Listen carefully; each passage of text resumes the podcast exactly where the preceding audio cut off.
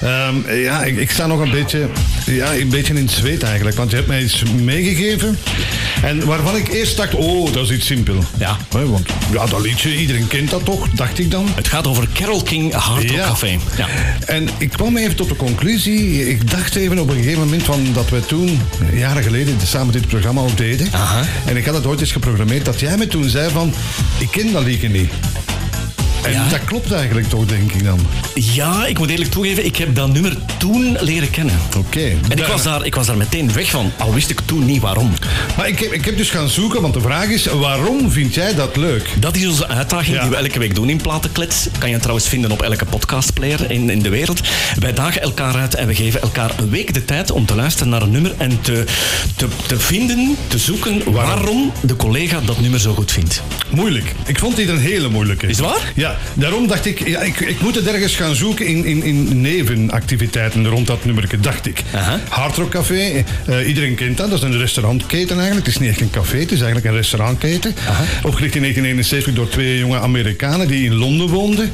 En die gingen heel graag naar hamburger eten. Ja. Maar een Amerikaans hamburger, dat vonden ze daar niet. Daarom dachten ze van, we doen het zelf.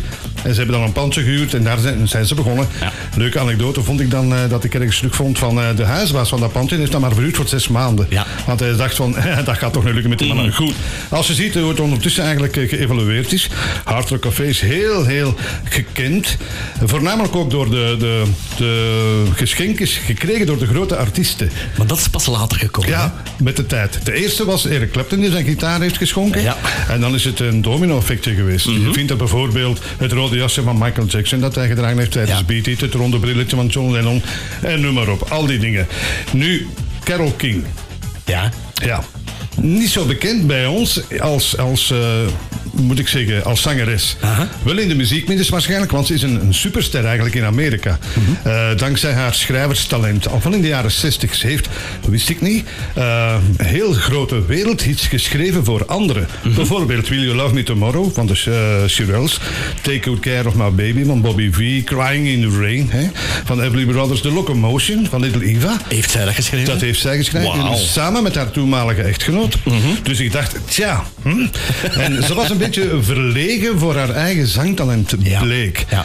Eh, ze deed dat in die tijd dat ze die liedjes schrijven met haar toenmalige echtgenoot. Mhm. Nadien, nadat ze gescheiden zijn, heeft ze zichzelf een beetje teruggevonden. En heeft ze zelf beginnen gaan, muziek gaan te maken. Ja. Nu, bij ons hier in de Lage Landen, mm, twee kleine hitjes. Corazon. In 1973 dacht ik, of 71 of 73. En dan, ja, Hard Rock Café. En ik dacht, dat is een grote hit geweest. Maar wat blijkt nu eigenlijk? Dat dat toch niet de grote hit is geweest hier bij ons. Het is wel in de nationale top 30 gekomen in 1977. Het heeft de 18e plaats bereikt. Hoger is het niet geraakt. Ja. En daar is het ook een beetje bij gebleven. Ja. Dus, ik zat met een probleem, Luc. ik dacht, naar waar wil hij toch naartoe? Heerlijk. Ik dacht, is het nu de tekst? Ik dacht, nee, want die tekst, eh, zo speciaal is die tekst niet. Het is een feel-good liedje. Ze zegt Ja. gewoon van, weet je wat, ga eens een keer een drinken in Hard Rock Café. Het is daar een gezellig plaatsje en mensen komen daar bij elkaar. Daar gaat het over. Dus eh, textueel gezien niet zo spectaculair. Ik dacht, ja, muzikaal gezien. En daar vond ik misschien, dacht ik dan, een klein linkje van... Is het geproduced zoals hij het zou graag hebben? Ik dacht, ja, het leek mij precies een normale productie te zijn. Maar eerlijk gezegd, Luc, ik weet het niet. Ik moet toegeven, ik, ik kan niet zeggen van... Daarom vind jij dat goed. Vertel het mij, want ik ben zo benieuwd, hè. Ja, ja je, hebt, de- je hebt de luisteraar ook heel nieuwsgierig gemaakt. Ja, ik weet het gewoon echt niet. Waarom? Ah, wel, ik denk dat je ongeveer de helft van de punten krijgt voor dit, voor dit verslag. Oké. Je, bent, je bent heel dicht in de buurt, maar het gaat mij bij dit nummer vooral over de totaliteit van het geheel. Mhm. Hè, de geschiedenis van Hard Rock Café, dat heb je mooi opgelijst. Maar ik zou nog een stapje verder willen gaan, want het is duidelijk dat die twee oprichters in het begin heel veel moeite hebben gedaan om toch een beetje goede promo te maken. Hè, Ze hebben, Mhm. een, ze hebben een, eh, eh, de eerste, het eerste ontwerp van hun logo was een hele bekende die met de Beatles en Elton John samenwerkte. Na de, de eerste twee jaar hebben ze geen live concerten gehad, hebben ze ook al die gadgets niet gehad. Het was pas Paul McCartney en The Wings Ja. die daar eens een keertje uiteindelijk kwamen, kwamen Toevallig. spelen. En dan zijn ze ook nog, dat moeten we erbij vertellen, bekend van de t-shirten, maar ook dat is toevallig Ja. gekomen. Ja. Want de twee oprichters die sponsorden een lokale heb voetbalploeg. ik ook gelezen. en ze hebben een paar truitjes te veel gekocht. Ze delen dat uit aan de vaste klanten, aan de regulars, zoals zoals dat dan daar heet. Hè. En eh, die, die vonden het goed en zo zijn de t-shirts tot stand gekomen. Dus langzamerhand, door die promo, werd Hard Rock Café toch een ontmoetingsplek waar dan bij toeval artiesten bij elkaar kwamen. En zo ook Carole King, die ondertussen 80 jaar is geworden.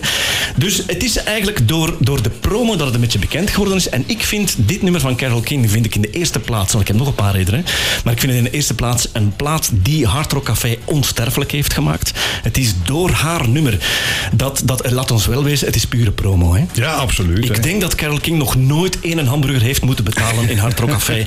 dat denk ik niet. En, en het leuke is, zij smeekt bijna. Ze zegt, het is een plek waar je alleen maar goed gezelschap en een kleuren-tv vindt. Dus het is echt dikke, dikke, dikke vette promo. En je hebt ook gelijk, dat andere punt dan. Het is niet haar grootste hit. Wereldwijd.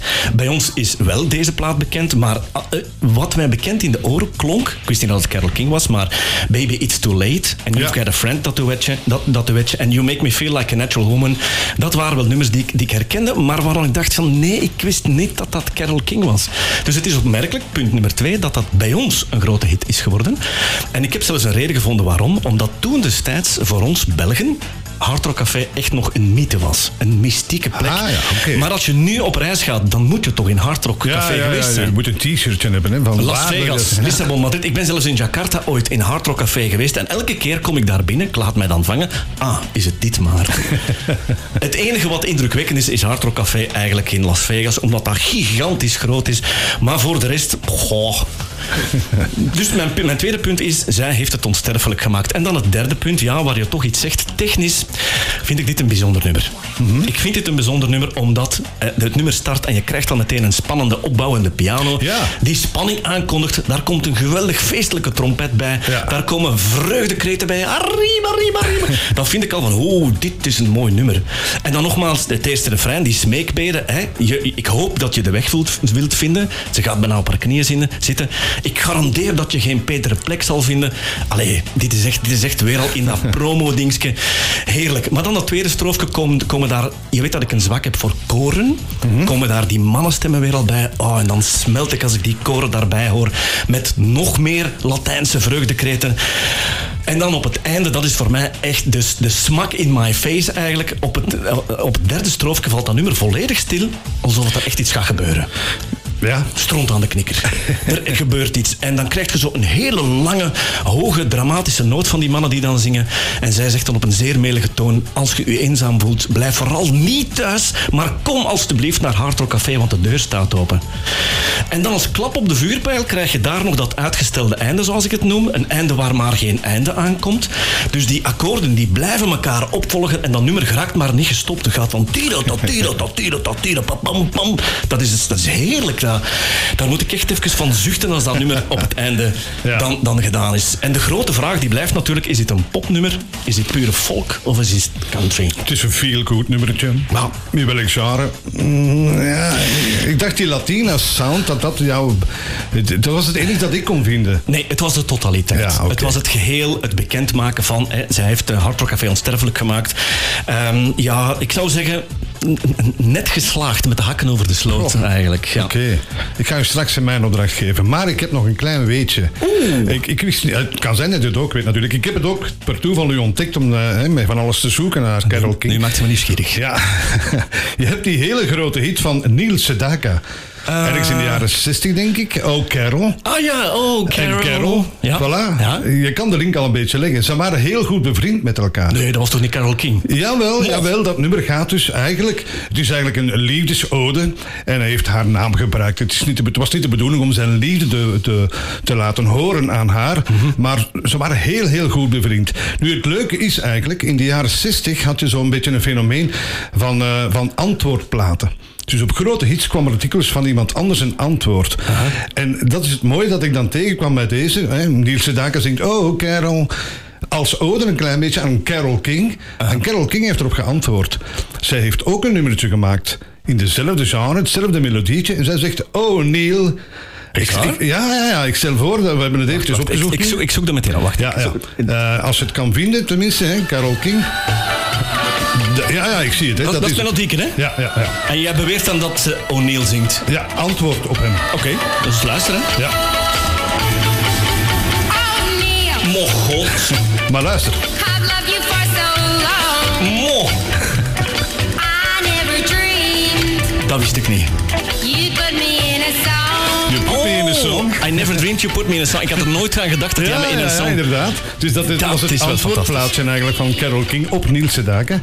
Maar. Dus, ja, het was een toevallig dingetje dat ik tegenkwam onderweg op mijn zoektocht naar Hard Rock Café. Oké, en dan, last but not least, de opdracht voor volgende week. Eh, Wel, ik ga het voor mij eenvoudig houden. We Ja. gaan een Nederlandstalig nummer. Het is Avond van Boudewijn de Groot. Ja, Ehm, dan kan je misschien zeggen, ja, ja, ja, maar het heeft ook een paar componenten die ik heel belangrijk vind. Er zit een verhaal achter dat liedje. En meer ga ik niet zeggen. en welk nummer? Avond van Boudewijn Oh, de oké, Groot. dat, nou, dat ken ik niet. Ja, dat moet je het zoeken, hè, Luc. Als je Oké. het hoort, ken je dat wel zo. Ah, Ja, ja, maar het is niet alleen maar een leuk nummertje. eh, maar je moet echt... in- maar ik ga niet veel meer zeggen. Waarom vind ik dat goed? Dat is het Avond belangrijkste. van Boudewijn de Groot. Ja. Ondertussen laten wij jou meegenieten van deze... Oh, Hey, hoort begin dat eens, hè? af, jongen. Hey, God, ja, God, ja. Heerlijk toch. Ze gaan, ze gaan er helemaal los. Carol King.